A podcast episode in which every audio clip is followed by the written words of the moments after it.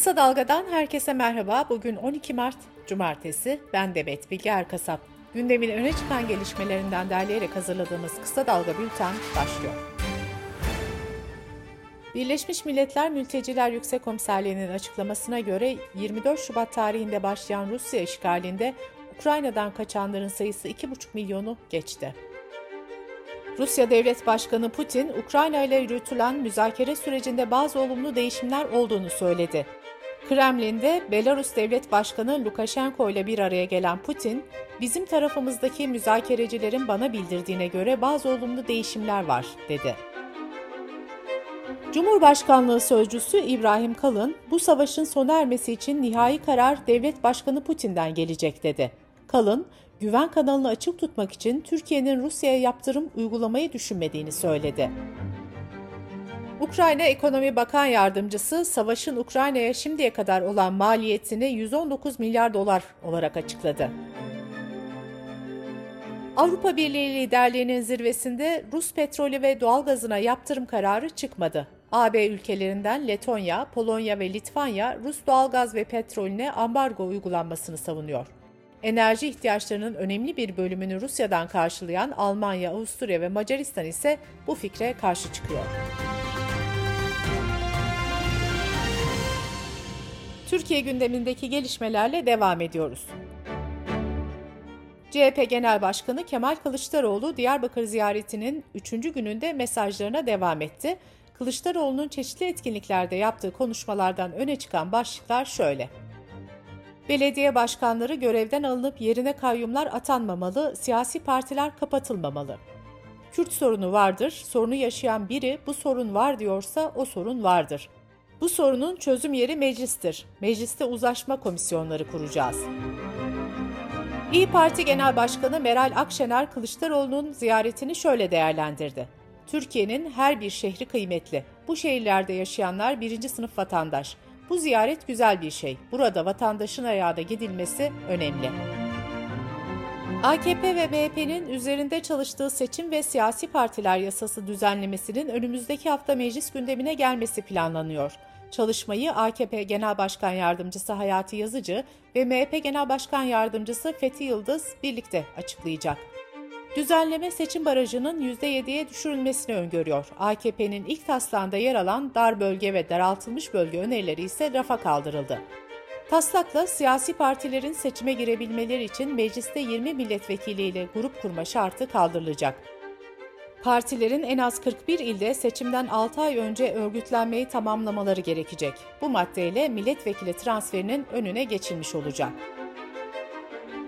Cumhurbaşkanı Tayyip Erdoğan'a hakaret ettiği iddiasıyla tutuklanan gazeteci Sedef Kabaş 46 gün sonra dün ilk kez hakim karşısına çıktı.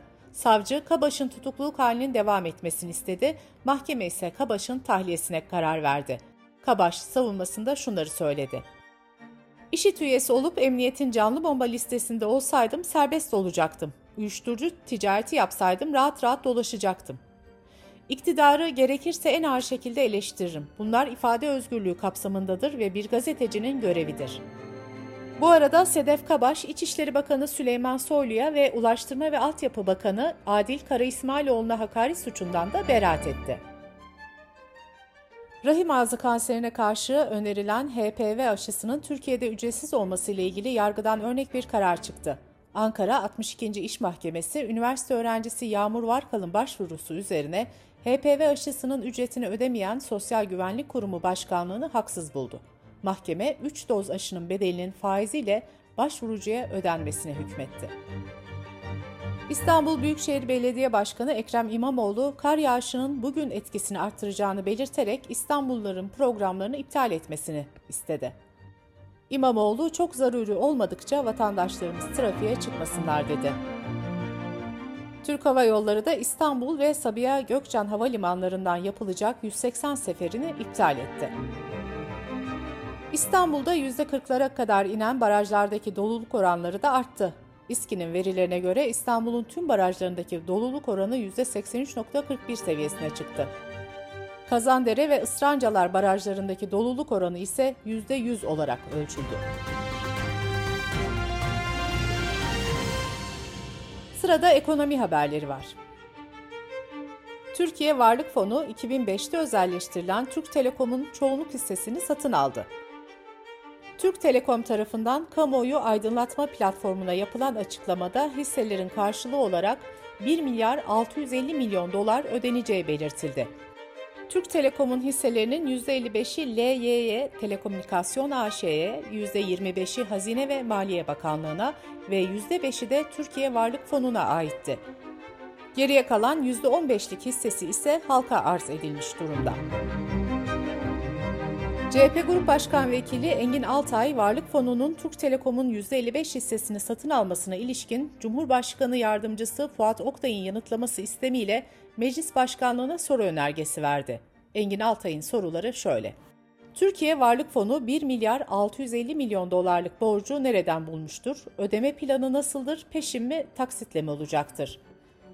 Sözleşme gereği %55'lik hisse 2026 yılında bedelsiz şekilde kamuya geçeceği halde Varlık Fonu hangi nedenle bu alım işlemini gerçekleştirmiştir? Büyük bir döviz sıkıntısının yaşandığı bir dönemde 1 milyar 650 milyon dolar borçlanma yapılması millete yeni bir yük değil midir? Merkez Bankası reel ve finansal sektör temsilcileri ile profesyonellerden oluşan 50 katılımcıyla yaptığı Mart ayına ilişkin piyasa katılımcıları anketinin sonuçlarını yayınladı. Buna göre katılımcıların cari yıl sonu enflasyon beklentisi bu anket döneminde %40.47 oldu. Ankete göre 12 ay sonrası tüfe beklentisi ise %26.43 olarak hesaplandı. Katılımcıların yıl sonu dolar TL beklentisi 16.68 olurken 12 ay sonrası için beklenti 16.62'den 17.42'ye çıktı.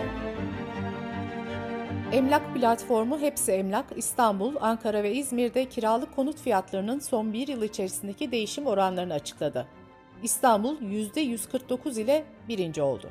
İstanbul'u %97 ile Ankara, %78 ile İzmir izledi. Kağıthane'de %250 ile son bir yıl içinde en yüksek artışın yaşandığı ilçe oldu. Türkiye gıda fiyatlarındaki zamları konuşurken Kadıköy Belediye Başkanı Şerdil Dara Odabaşı, Yoksulluk o kadar derinleşti ki Bağdat Caddesi'nde bile halk ekmek yetiştiremiyoruz dedi.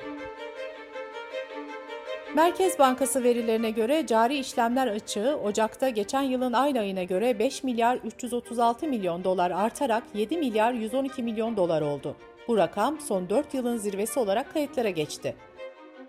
12 aylık cari açık ise 20 milyar 223 milyon dolar olarak gerçekleşti.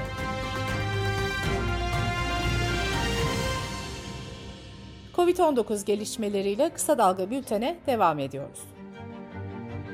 Pandeminin başlamasından bu yana tam 2 yıl geçerken Delta ve Omikron genlerini içeren Delta Kron adı verilen yeni varyant ABD ve Avrupa'da en az 17 kişide görüldü. Delta Kron'a ilişkin araştırmaların sınırlı olduğu bu nedenle daha bulaşıcı veya ağır hastalığa neden olup olmadığını söylemek için henüz erken olduğu belirtildi.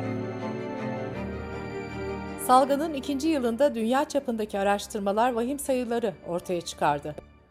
Washington Üniversitesi bünyesindeki COVID-19 ek ölümler ekibi tarafından yapılan araştırmada salgında hayatını kaybedenlerin sayısının resmi verilerin 3 katı olan 18 milyondan fazla olduğu vurgulandı.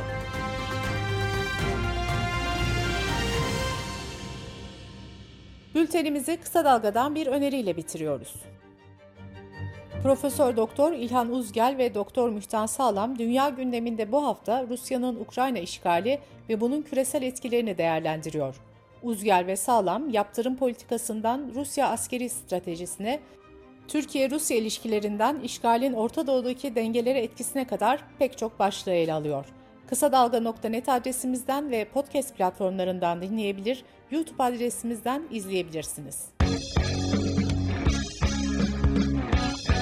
Gözünüz kulağınız bizde olsun. Kısa Dalga Medya.